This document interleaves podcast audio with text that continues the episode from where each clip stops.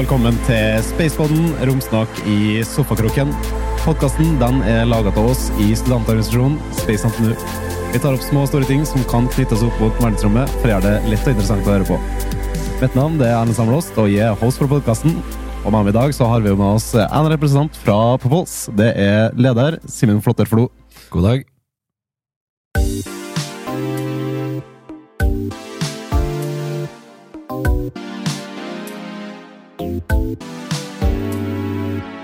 Eh, Simen Flåtterflo har jo deltatt eh, tidligere, men Ja. jeg kan ta en liten sånn kort intro. Eh, hvem du er, altså hva du studerer, hvor gammel du er og litt sånne ting. Ja, ja så som nevnt av deg, så er jo mitt navn Simen Flåtter Flo. Jeg kommer fra eh, Overhalla, en eh, liten kommune i nord, nordlige Trøndelag. Og jeg har en bakgrunn innenfor materialteknologi og maskiningeniørvitenskap, kan jeg si. Um, grunnen til at jeg ble med i Propuls i sin tid, var fordi at jeg var over gjennomsnittlig interessert i romfart og verdensrom, og da var jo eh, Propuls NTNU en av de tilbudene som jeg hadde ved, ved NTNU for å kunne uh, utspille de, de interessene. da. Så jeg har vært med i Propuls i to år. Eh, første var prosjekt Stetin som indre strukturingeniør, og så gikk jeg over på prosjekt Birkeland som mekanisk leder. Og nå er jeg tatt over som, som leder av hele organisasjonen, da. Så det, det viser jo til at jeg syns at dette her er grisegøy, rett og Mm. slett. Ja, det er veldig bra. Eh, og så er jo en eh, liten repetisjon på hva Propulse er for eh, nye lyttere. Ja, så Propuls NTNU er en teknisk frivillig studentorganisasjon som bygger raketter og rakettmotorer. Rett og slett. Mm. Helt sjøl. Ja, det, da har vi fått hvor, hvor mange som er med nå? Ja, så nå er vi 71 aktive medlemmer, og så har vi med oss en 15-17 mentorer, så vi har jo faktisk bikka 80 nå for første gang, så vi har aldri vært så stor som vi er nå. Um, og det er ganske Det er jo litt utfordrende. Det er jo litt sånn voksesmerter knytta til å vokse på på viset her. Vi er jo over dobbelt så mange som vi var første året vi, vi starta på i 2018. Men um, det, har en, det er en god grunn til det. da. Vi har, uh, vi har litt større prosjekter enn vi hadde da, så da har vi god nytte av litt ekstra bemanning på dekk. Mm. Og hvis det er noen som vil uh, høre på uh, litt mer din generelt sett om Propulse, så er det å lytte på den andre episoden, for nå skal vi ha en liten oppdatering hva som har skjedd siden sist. Og dere har jo deltatt på en SA-cup i sommer 2022. Ja. Så sist gang vi satt i studio her, jeg og Thea, tidligere leder, så holdt vi på å gjøre oss klar for uh, Euroc, som var en eh, konkurranse i Portugal. Eh, vi gjorde oss ferdig med det prosjektet, og starta på et nytt et, prosjekt Birkeland. Og det jobba vi på i eh, var vel ni måneder, fra september 2022 til juni Nei, september 2021 til juni 2022. Eh, hvor vi da reiste til, over til New Mexico i USA. 47 medlemmer reiste over dit for å konkurrere i SA Cup, eller da Spaceport America Cup 2022. Og, og Spaceport America Cup er verdens største rakettkonkurranse. Det er studentlag fra bokstavelig talt hele verden, alle verdensdeler, som eh, bygger en rakett som skal skytes opp der. da. Så Prosjekt Birkeland var en eh, 3,2 meter høy rakett. Den var drifta på faststoff, eh, en faststoffmotor, og den deltok i kategorien 30 000 fot. Så når vi kom oss til konkurransen så, og skulle skjøte opp, så sikta vi mot 30 000 fot, ca. 9 km over bakken. Og, og den høyden traff vi ganske, ganske nært. Vi var veldig nært å treffe Eller vi bomma vel med en 400 fot, 100 og noe meter. Um, og det, pluss litt annet snack som vi fikk til, gjorde at vi kom faktisk da på tredjeplass av uh, 150 totalt lag da, fra hele, hele verden. Så den, eh, den konkurransen var ganske intens, Mm. um, men med godt resultat. da. Så vi, vi hadde ganske gøy, og det, vi fikk eh, mye igjen for det. da. Ja, Det er jo helt fantastisk. Og, og det vil jeg bare presisere, det var litt relevant til senere episoden nå, eh, det med at det er en faststoffrakett. Hva er det på en måte legges i det? Ja, så um, for at noe skal kunne brenne, så trenger du to komponenter. En ting som oksideres, og en ting som reduseres. Eh, Og raketter har som regel ikke tilgang på oksidasjonsmidler ute i verdensrommet, Så da er man avhengig av å ha med seg begge i én pakke i motoren sin, eller om bord i skipet sitt. Så en faststoffmotor er rett og slett en fast blanding av både oksidasjonsmiddel og brennstoffet, som eh, ja, kort sagt Jeg skal prøve ikke å være så avansert her. Kort sagt, det er fyrverkeri. Rett og slett. Stor, en stor pinnerakett. Mm. Ja. Så den er du fyrer av, og så går den. Ja, så vi hadde den faststoffraketten, motoren som vi brukte, den eh, hadde 11 kilo med drivstoff eh, om bord, og den eh, brant bare i seks sekunder før den var helt tom. Mm. Og i løpet av de seks sekundene så hadde Birkeland-raketten akselerert fra 0 til 1900 km i timen, var det vel? Såpass, ja. Eh, Det tilsvarer 1,5 ganger lydens hastighet, så Ja. det er supersonisk. Um, men det skal altså ikke mer til enn 11 kg med, med krutt for å få en 40 kg tung rakett opp i, i de hastighetene. Man må dere ta spesielle hensyn med tanke på at den skal over lydens hastighet? Ja, det, det er ofte noe man ikke tenker på når man starter opp med å designe noe av den sorten her, at eh, vi, det å bryte lydmuren er faktisk en designparameter man må ta hensyn til. Så i korte trekk så vil eh, veldig eh, spisse geometrier være fordelaktig her. Så vi hadde finner som var veldig spiss. Du kunne skjære deg på kantene på finnene våre, for de skulle skjære gjennom lufta. Mm. Og raketten i seg sjøl var veldig tynn og, og spiss. Så hvis man ser litt på nettsida vår på vårt eh, første prosjekt, prosjekt Sleipner, det var en rakett som ikke skulle fære supersonisk, og da ser du at den er veldig eh, kort og, og tykk. da. Mm. Så, så det er en ganske signifikant forskjell på den generelle geometrien på de to rakettene. da. Ja, for det er, er ganske tynn, egentlig. Altså, det, det er jo litt som forma er en eh, penn eller blyant. Ja. Det er ganske tynn og veldig lang. da. Ja. Eh, så, og du sa den var 3,5 meter lang? Ja, 3,2 meter eh, høy, og så er den bare 13 cm bred. Eh, og det er jo noe gjengen på indre struktur har fått kjent følgene av. For man har jo elektronikkgrupper, man har fallskjermgrupper som eh, pusher på at deres komponenter skal hit og dit inn i raketten. Så må de prøve å finne et godt kompromiss mellom plass og eh, funksjonalitet. da. Så det er, det er ganske lite Dere har kanskje en, et linjal i pennalet som er 20 cm langt. Det er altså en smalere rakett enn det, Mm. og det er mye som skal inn. ja. Og på det prosjektet her, da var det ingen spesiell eh, payload. Det var kun målet om høgden som var eh. Ja, de konkurransene eh, har, de har egentlig bare høyde og motortype som eh, krav på, på launch-delen av poenggivninga. Men du har òg muligheten til å få poeng basert på teknikaliteter knytta til prosjektet ditt. da. Det være seg payload, for eksempel, eller den tekniske rapporten som man skriver på, på prosjektet. Men eh, vi hadde ikke en Eller vi hadde jo en payload med oss, vi hadde en nyttelast med oss. Det er jo det som er hele hensikten med en rakett. Den skal frakte en nyttelast fra A til B. Mm. Eh, men, og den hadde vi utvikla sjøl. til sammenligning så hadde vi også en nyttelast på prosjekt Stetin, den som fløy i slutten av 2021. Og da var det Orbit NTNU, en annen studentorganisasjon her ved, ved universitetet, som hadde utvikla den. Mm. Men for Prosjekt Birkeland så laga vi en egen en for, eh, som omhandla vibrasjonsforsøk, da, for at det er ganske mye vibrasjon i det raketten tar av. Og det er viktig å ha oversikt over hvor mye det er, da, med tanke på design av elektronikk og sånt. Og så har vi da eh, 30 000 fot. Eh, da er det jo ikke en målstrek som er ganske fysisk. Eh, så hvordan er dere faktisk måler at dere har oppnådd eh, den høyden? Ja, så det er to måter vi måler det på. Den ene måten er, er det arrangørene som bestemmer. De vil ha en standardisert måte å måle høyder på for alle rakettene, sånn at eh, ingen kan lure seg til og trikse seg til en høyde. Mm. Eh, så har vi en, en, den andre måten vi, vi måler høyden på, en egenutvikla måte, kan du si. Så det er noe som heter eller da, For, å, for sistnevnte så bruker vi noe som heter for et Kalman-filter. Det er rett og slett en måte å kombinere ulik, ulike typer med sensordata for å kunne pinpoint høyder. Og Grunnen til at dette er relevant for oss, er for at vi bryter lydmuren. Det gjør noen triks med, med trykkdataen som vi ellers eh, støtter oss på, som gjør at vi må hente inn data fra andre sensorer for å eh, pinpointe høyder. Mm. Så, men det er den eh, innkjøpte løsninga som arrangørene bruker for å ta den offisielle høyde, Mm. høydemålinga. Ja, for Jeg kan jo gå bitte litt teknisk inn på, for jeg driver jo litt med seilfly, og der måler jo da ut ifra lufttrykket. Mm. Altså til høyere du går, til lettere på en måte blir ja. lufttettheten. Men eh, instrumenter vil jo bli påvirka av at du bryter lydburen, da, Ja. eh, og kanskje ødelegger med den type instrumenter.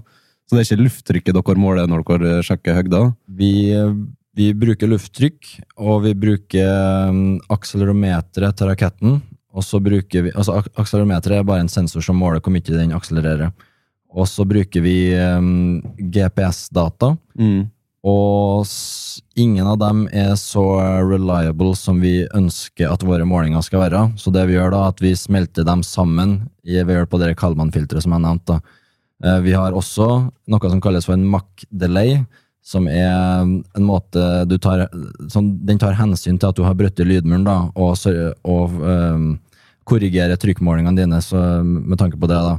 Det, det er jo litt, eh, litt sånn teknisk, jeg har ikke vært borti det så mye sjøl, men det er veldig mye hensyn som må tas til dette her på elektronikk- og sensorikkfronten. Mm. Mens for strukturen, altså det mekaniske på raketten, så er det stort sett bare uh, hvor spiss uh, og hvor lite tverrsnitt du har uh, inn i vind, som avgjør hvor effektivt det er. Og så er det Du sa det var fra hele verden, men sånn hvor mange lag og hvor spredt er det? Er det liksom hovedsakelig europeisk, eller liksom hvordan er det fordelt? Ja, så jeg vil si at 50% av lagene er fra USA. Eh, De har ganske mange eh, forholdsvis store universiteter fordelt på de ulike statene i USA, og de fleste der har eh, aerospace-linja, eller kan si romforskerlinja, hvor de lærer seg å bygge fly, de lærer seg å bygge raketter. Så de er veldig sentralt, de pushes veldig fra universitetene sine til å dra på sånne konkurranser som dette her. Men den resterende 50% er ganske jevnt fordelt over hele resten av verden. Vi har en håndfull lag fra Europa, vi har en håndfull lag fra Asia, vi har noen fra Australia og Midtøsten. Og ja, jeg vil si at eh, begge de eh, andelene av eh, demografi er like flinke til å bygge raketter. Du har noen gode fra det kontinentet og noen dårlige fra det kontinentet. Så, mm, så man merker egentlig ikke noe forskjell på hvor et lag kommer fra, eh, med tanke på kvaliteten på dem laget. Eh, Og det er jo fordi at eh, for de fleste lagene, lik linje med oss, så bytter vi jo ut eh, medlemmene våre på egentlig en årlig basis. Så ofte så starter man litt fra scratch for, på, på hvert nye prosjekt man begir seg ut på. da. Mm. Og hvor mange antall lag er det totalt, sånn Ja, cirka? Så det var eh, 152 lag som fikk billett til å ferde til konkurransen. Det var en god del flere som meldte seg på, men de passerte ikke de diverse kontrollportene du har gjennom året som leder an til den konkurransen. For arrangørene er avhengig av at, eh, at rakettene som kommer dit, ikke sprenger idet de eh, tas ut av bilen. Mm. Så da er det en del ting som du må bevise at du har sikra før du kan få reist til USA i det hele tatt. Og det er en god del lag som ikke kommer gjennom den kontrollporten. da. Men av dem som kom gjennom, så var det jo 152 lag, da. Mm. Og dere, eh, hva var det dere vant på der? Det var Ja. Så vi, vi kom på andreplass i vår klasse, det vil si eh, 30 000 fot faststoffmotorklassen. Det laget som slo oss der, var et lag fra Sydney, eh, Australia. De eh, var òg det laget som vant totalt. Vi kom på tredjeplass totalt, og total poengsummen var jo 1100 poeng, og det var 40 poeng da, som skilte oss og Sydney-laget. Så det var jo veldig tett i, i toppen der. Um, det laget som kom på andreplass, var et lag fra USA. Jeg husker ikke hvilket universitet de var fra, men, um, men ja, det er ganske kult at vi kom på tredjeplass, da, med tanke på at det var så lite som skilte oss fra, fra førsteplassen. da. mm. Mm. Ja, det er jo helt fantastisk. Og nå har dere begynt på det nye prosjektet, Bifrost. Ja, det, det er det nye og det store. Så prosjekt Bifrost er noe ganske annerledes fra prosjekt Birkeland og egentlig alle de foregående prosjektene. Kan jo først nevne at eh, Bifrost eh, følger jo det litt norrøne temaet som vi har på prosjektnavnene våre. Bifrost er jo bruen mellom eh, mennesker og gudene, og så er det jo også brua mellom det gamle og det nye. Og det er ikke tilfeldig at vi har valgt det navnet her, fordi at Bifrost-raketten mm, kommer ikke lenger til å delta på, eller ikke til å delta på en konkurranse. Det strider jo, det er jo noe nytt eh, sammenlignet med alle andre prosjektene våre. Og så kommer den til å benytte en helt annen motortype enn alle våre tidligere raketter. Ergo eh, bruen til det nye. Mm. Så um, Prosjekt Bifrost kommer til å, å bruke en egenutvikla væskedrevet motor. Um, og for dem som ikke skjønner helt hva det betyr, så er det rett og slett den motortypen som alt av industri bruker. Så dere har sett NASA-oppskytinga, dere har sett kanskje SpaceX-oppskytinga, og de motorene som driver de gigantiske rakettene de, der opp til alle planeter og ut av solsystemet vårt, det er væskedrevet rakettmotorer. Og vi i Propuls syns at det er skikkelig kult, skikkelig motiverende, og vi har lyst til å mestre det. Mm. Så, så Bifrost blir den første raketten vi har laga som skal nummer én ikke delta på konkurranse fordi at den skal gjøre andre kule ting, eh, og nummer to eh, utnytte en egenutvikla væskedrivmotor. Mm. Og hvor stort er det, altså hvor mye mer avansert er en flytende drivstoffmotor kontra en faststoffmotor? Jeg kan jo si at det som har gitt eh, Rocket Science sitt rykte, det er motorene. Mm. Det er veldig mange rør, veldig mange sensorer, og veldig ekstreme forhold som pågår innen en sånn motor. På, hvis du ser for deg at du har en skillevegg inni den motoren, da, så kan du ha 3000 plussgrader på ene sida, så kan du ha minus 180 grader på andre sida. Samtidig som du har 20 bar med trykk, altså 20 ganger så mye som du har i atmosfæren, og i tillegg akselerasjon som er ute av en annen verden. Mm. Så det er svært komplisert. Så du kan si at vi går fra å lage én rakett til å lage to raketter, fordi at eh, motoren er like kompleks som en rakett er fra før, Ja. og alt skal inn i én pakke. da. Så, men vi har jo gjort noen, eh, noen steg for å gjøre det litt mer simpelt, da, for vi ønsker jo faktisk å få det til. Vi ønsker Mm. ikke bare å si at vi skal lage en motor, og så er det så komplisert at det ikke går. Så vi gjør det litt lettere med tanke på drivstoffvalg. Vi bruker noe som er ganske tilgjengelig off the shelf. Det er lystgass og etanol. Eh, Sistnevnte er jo akkurat det samme som heimbrent. 99% renhet. Det, Se for meg det blir litt av sånn julebord her. da. Det Ja. Og etanol det, blir, det blir fin feiring etter vi kjører tester på testsiten vår på et grustak ute, ute ved Heimdal. der. Ikke så mye folk som kan bli sjenert av eh, det vi holder på med der. Eh, Men i hvert fall da, så er jo det ganske enkle stoffer å jobbe med. Eh, NASA bruker f.eks. ofte flytende mm, hydrogen og flytende oksygen, og begge dem er kryogenisk, som vil si at de er ekstremt kalde. Mm. Og det stiller noen andre krav til komponentene. Så vi, har, vi opererer ved romtemperatur, da, eh, sånn sett. Og så har vi et eh, ganske simpelt, simpel måte å trykksette drivstoffet vårt på. Vi bruker ikke en komplisert turbopumpe som spinner i tusenvis av ganger i minuttet. Vi bruker bare Vi har bare ekstra høyt trykk i tankene våre, sånn at det alltid har lyst til å flyte nedover mot eh, motoren. Ja. kort sagt. Så det gjøres simpelt. Nå har vi jobba på den siden april 2022, og vi sikter jo mot å skjøte opp Bifrost i oktober 2023. Så her, her spilles jo inn i november 2022, det vil si at det er under et år til vi launcher Bifrost. Mm. Og for dem som har litt erfaring innenfor studentrakettbransjen, så kan de jo finne på å si dere er skikkelig tullete. Eh, å lage en motor av den sorten her og påstå at den skal launch om under et år, det har dere ikke sjanse til å få til. Og det gir jo mening, for at det, det er vanskelig. Det er Mm. ikke meninga at man skal få til vanskelige ting så fort.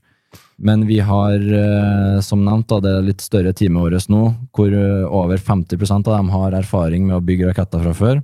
By the way, det er ikke et inngangskrav for å bli med. Eh, Det, vi tok inn 30 uerfarne eh, studenter nå for Prosjekt Bifrost. Mm. Og så har vi fått enorm støtte fra industrien. Det er vi ekstremt takknemlige for, for vi får ikke ikke å finansiere dette sjøl. Vi får ikke å bruke bare våre egne erfaringer til å bygge. Vi er avhengig av industrien, så de er veldig eh, gode medspillere å ha med.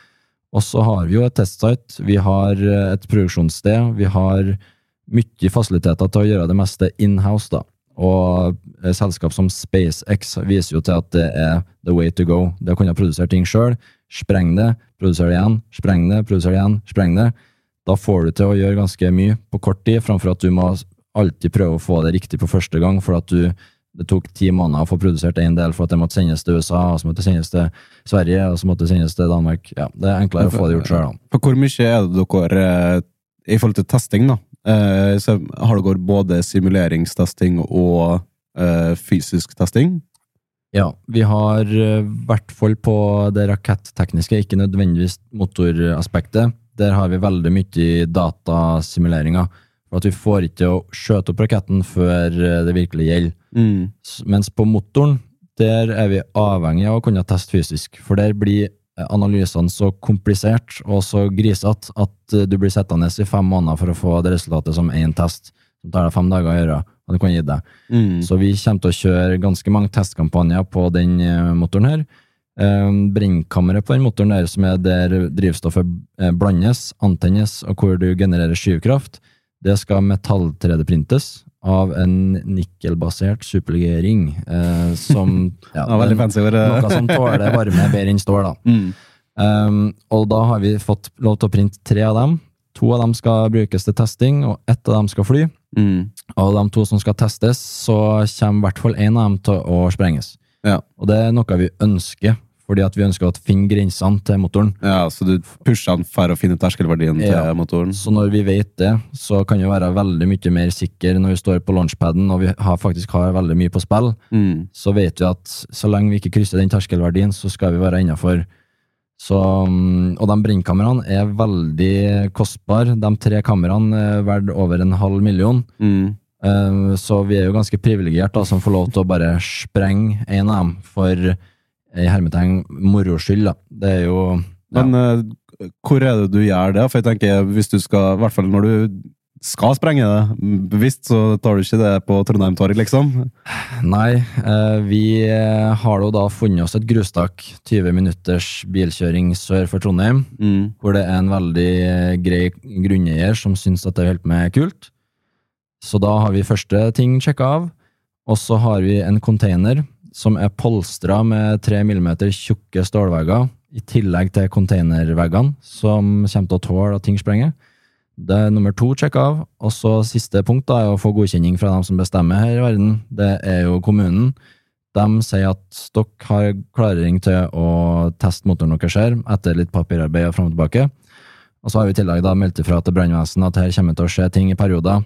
Mm. Eh, Men vi har systemer i testmotoren vår som gjør til at den kommer ikke til å sprenge mer enn nødvendig. Mm. Ulike ting kommer til å feile først, som minimerer skaden på omgivelsene.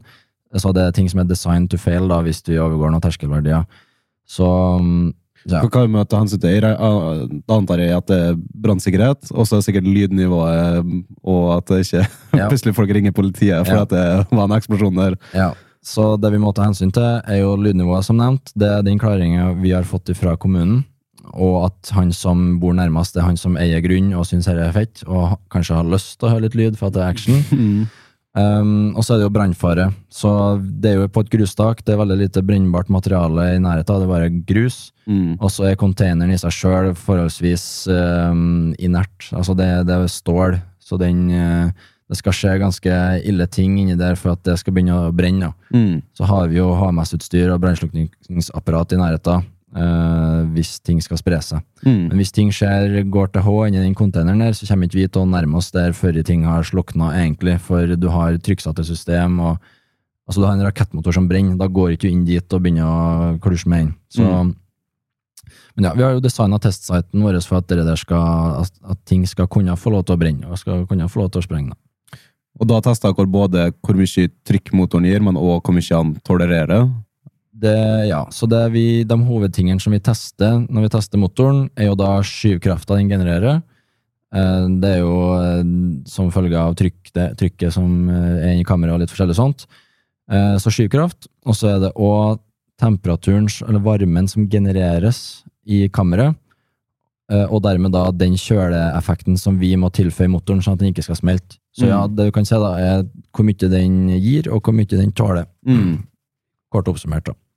Og så når dere er ferdig da og fått uh, testa og fått uh, godkjennelse, og de er klar, hva er det dere ønsker å oppnå? Altså, hva er det målet for Ja. raketten er? Så prosjekt, altså målet med Prosjekt Bifrost er egentlig bare å vise at Propuls NTNU klarer å bygge, eh, teste og launch, ikke minst launch, denne raketten innen 2024. Mm. Så det vi sikter mot da, er å kjøre testkampanje på våren, testkampanje på sommeren, og så mot høsten begynne å få klar en ferdigstilt rakett, og da launch den eh, i oktober 2023, som nevnt.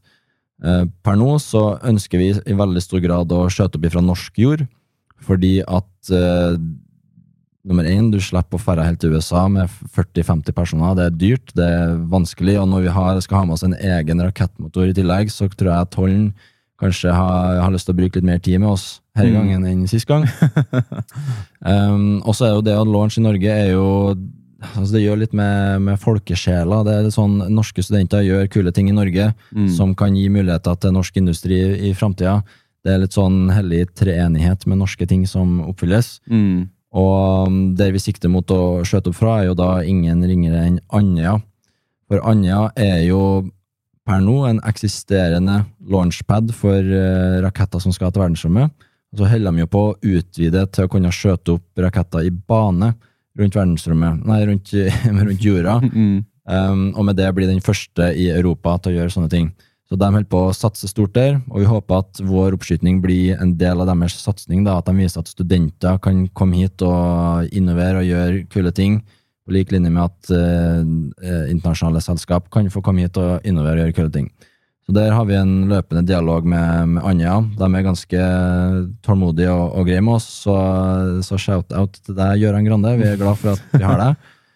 Også, men hvis ikke det blir eh, Andøya, da, så blir det antageligvis den eh, turen, eh, en tur ned til Portugal da, for, for å skjøtte opp der på en konkurranse. Det er ikke det vi ønsker, men det er det som blir alternativet. Med mindre vi hører litt med de svenskene som holder på oppe i Nord-Sverige. Eh, Det er noe, men det er litt sånn konkurranse mot andre, så vi vil, ikke være, vi vil ikke være slem mot dem. Mm. Men eh, den eh, flytende motoren, er det fordi at den kan generere At du kan komme lenger ut med den, eller er det at det er mer stabilt, eller liksom hvorfor vil man foretrekke det ene for den andre? Så en faststoffmotor den pakker mye mer punch enn en væskedrevet motor. Eh, vi så jo bare den raketten altså Birkeland for jo fra null til nesten 2000 på seks sekunder. Det har ikke vi fått til med en, til, med en eh, væskedrevet motor, for at den vil den er, For å få til de skyvkreftene med en væskedrevet motor, så må du ha så mye tank og piping og ventiler at den blir for tung. Så det er ikke punchen, den momentane punchen vi, vi går for. Det vi går for, er effektiviteten. Det vil si at eh, Du kan jo se for deg når du skal tenne opp i ovn hjemme. Hvis du, har, eh, hvis du bare legger inn to vedkubber og tar lighteren inn dit, så tar det litt tid før den vedkubben her tar fyr. Mm. Mens hvis du legger inn i fullt av sagspon og tar lighteren borti, så begynner ting å skje ganske fort. Mm. Så en faststoffmotor, det er en vedkubbe, mens en eh, væskedrevet motor er sagsponet. For at okay. du får det på dråpenivå Mm. framfor en stor sylinder med drivstoff. Mye lettere å brenne. Um, og når den er så effektiv, så er det mye mer uh, hensiktsmessig å skalere den opp.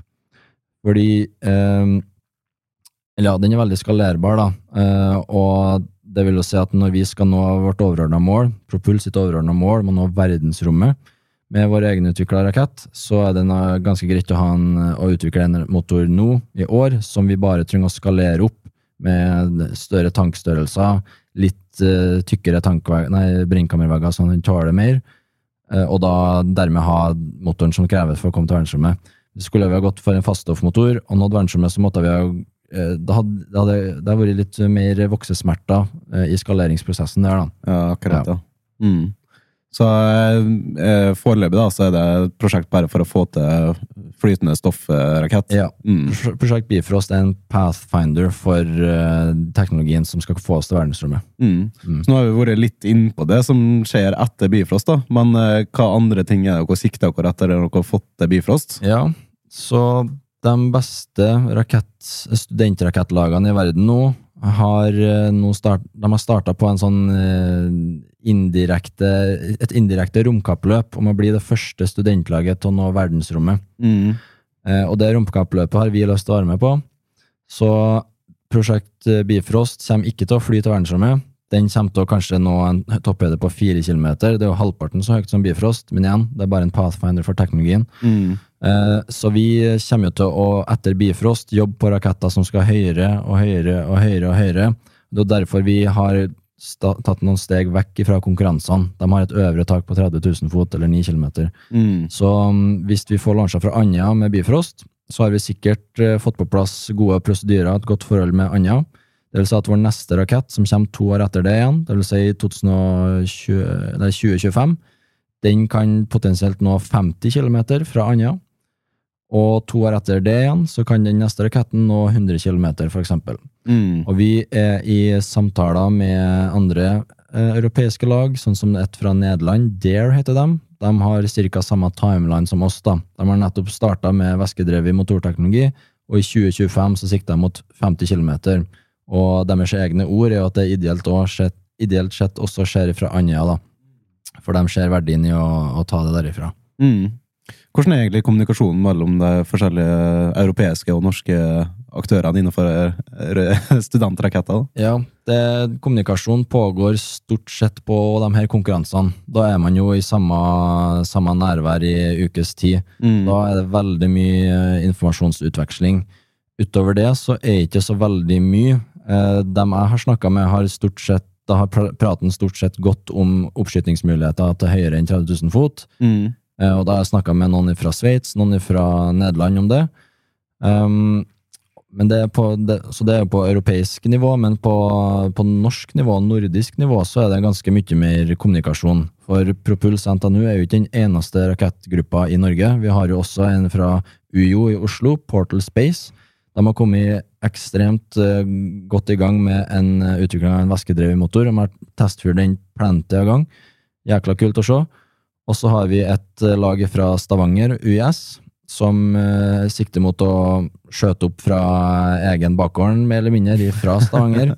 så dem kommuniserer vi ganske mye mer med. Og Portal Space har jo vært med og motivert oss til å gå for den teknologien som vi driver med for Prosjekt Bifrost, da, for de visste jo at det var mulig å bygge en væskedrevet motor på forholdsvis kort tid, med forholdsvis lite erfaring. Så de har vært et forbilde for oss sånn sett. Og vi, vi utveksler ikke bare informasjon, men også medlemmer, viser det seg etter hvert. da. Så det, det er en artig atmosfære som har kommet i Norge nå etter hvert. Mm. Er det noe sånn i Tromsø, for eksempel? For det, de er jo I Nord-Norge er nærmere Andøya, selvfølgelig. Så er det noe aktivitet der i forhold til rakett? Fun fact, for to dager siden Ikke for å Nå kan jeg at det er konfidensielt, så det kan at vi kutter ut dette her hvis jeg får smekk på fingrene, men fun fact, to dager siden så ble det etablert en ny rakettgruppe ved Universitetet i Tromsø. Ah, shit. Student, studentorganisasjon.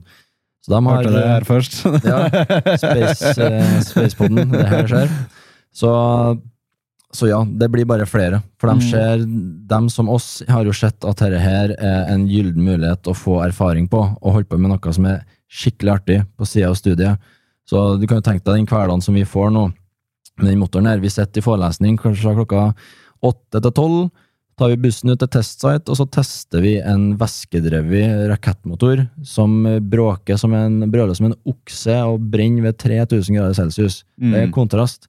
Og, um, så det er jo en av de tingene som motiverer meg til å holde på mye mer, er at jeg får, ikke bare får erfaring, men jeg får sett ting og opplevd ting tett på kroppen som man egentlig ikke ser i løpet av et liv. Ja, og det øh, Jeg har sikkert sagt det 100 ganger på bare podkasten her, eh, men altså eh, Verv generelt sett er med på et personlig nivå, så er det både altså eh, den motivasjonen du får av å jobbe hands on, er ypperlig, og så er jo nettverksbygginga du får, eh, og så er jo det sosiale i tillegg, eh, og så merker jeg jo sjøl at også studiet å sitte på skolebenken kan bli ganske kjedelig, men når du da sitter og tenner på en rakett, så er det plutselig mye artigere å motivere, da. Ja. Og så har du i tillegg det med altså, næringslivet ser en reell verdi i det her, og spytter inn mye penger fordi at igjen, de ser at det her er det framtidsutsikter. Eh, korter ned veien til sommerjobber og framtidige arbeidsgivere, og der òg er liksom at selv om altså En del av det her handler jo bare om at vi skal ha det artig, og vi skal ikke eh, sitte og jobbe for en bedrift, eh, men at du kan skape arbeidserfaring allerede nå. Eh, Så det er liksom dobbeltsidig der, da, med at du, du, du gjør det på frivillig basis fordi at du syns det er artig, men det kan være billetten inn til rom, jobb innen romfart i Norge, da. Ja, det er en sjelden mulighet, og en svært potent mulighet. Det er ganske crazy at vi har muligheten til å gjøre det. Det starta jo med at studenter bare ville gjøre noe med fritida si, Mm. og bare satte i gang en organisasjon. De som starta Propuls, det var vel en, en, et knippe romfartsinteresserte studenter som bare følte at de ikke fikk utspill for det. Tenkte Mm. de, hvordan skal vi løse det? Vi, vi begynner å bygge rakett. Mm. Ganske crazy at noen bare setter seg ned og finner ut av at de skal inn i Brønnøysundregisteret og, og opprette en organisasjon som skal bygge raketter. Mm. Og nå har det vokst til over 80 personer som aktivt jobber med teknologi som er etter hvert konkurransedyktig, faktisk på et eh, kommersielt plan òg. Mm. Fordi at det er ikke så mange som har tort å satse på det. Og her er jo en liten eh, sneak peek til neste sesong, da. Men vi tenker jo å ha et, eh, en episode med Ranveig, eh, som er tidligere leder i Space og Propulse, og var med å danne begge to. Eh, og du skriver nå doktorgrad om eh, eh, romsøppel, eh, rett og slett, og er veldig engasjert og eh, vært med og spira opp den der eh, engasjementet som er her nå, da. Eh, så jeg gleder meg veldig til episoden eh, med henne, da. Ja. Og jeg merka jo det med at det, ja, det er fantastisk at det å være med i verv. Merker engasjementet. Både sosiale med her på NTNU, men òg nettverket til næringslivet. Det er egentlig helt fantastisk. Ja, og jeg kan jo prøve å oppsummere litt sånn som det har vært for meg. Nå har jeg vært teknisk medlem i, i to år, og så nå plutselig så har jeg den mest organisatoriske eh, stillinga som er i organisasjonen. Så, så det siste året for meg nå, eller halvåret, har vært veldig prega av reising. Jeg er jo blitt til Propfull sitt ansikt utad. Det er jo egentlig på godt og vondt. Jeg har ikke vært vant med å være det tidligere. Men eh, siden sommerferien så har jeg vært i Paris, jeg har vært i Oslo mer enn én gang. Jeg har vært i, på Andøya og sjekka ut forholdene der. Og alt har vært i Propuls-sammenheng. Og øh, det er jo plasser som jeg aldri hadde kommet til å reise ellers, og jeg får muligheten til å gjøre det på sida av studiet mitt. Det- Jeg betaler ikke for reisene sjøl engang.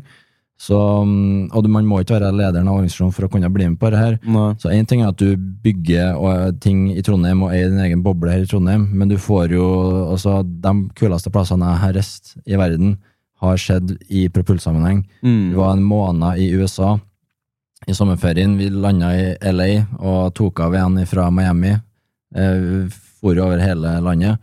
Så mm, Og så gjør du det i lag med folk som du har blitt ganske god venn med, da. Mm. Eh, flere år med ganske eh, intense perioder, hvor man er avhengig av å forstå hverandre, kommunisere med hverandre, ha det bra i lag med hverandre, og så plutselig så er du på en roadtrip uh, ute i ørkenen i USA. Det, det er ganske rart hvor, hvordan tilfeldigheter leder an til noe, til sånne ekstraordinære settinger, da. For Mm. det var ganske tilfeldig at jeg ble med i Propuls, egentlig.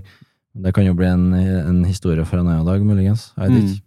Ja, men eh, Vi begynner jo å gå mot uh, slutten her, så jeg tenker Ja. jeg kan uh, gi deg muligheten til å fortelle litt uh, om du har en litt sånn artig historie og erfaring fra Propulse. Ja Det jeg kan si, da, er jo at konkurranser er ganske artig. Fordi at du ender opp med å se raketten din launch, forhåpentligvis. Men det er òg ganske mye brutalitet knytta til en konkurranse.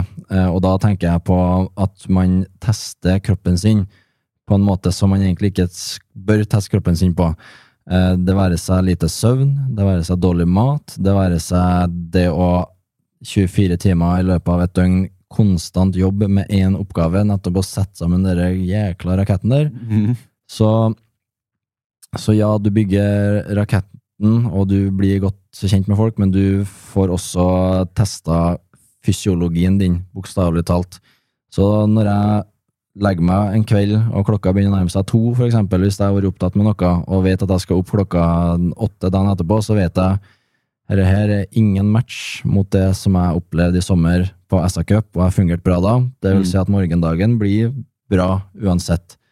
Så um, man får vite På samme måte som vi tester motoren, så tester vi oss sjøl òg. Og det har jo faktisk eh, ringvirkninger i hverdagen, som gjør at litt lite søvn vipper ikke meg av pinnen lenger. Det er bare Ja, jeg opererer ganske bra likevel, for eksempel.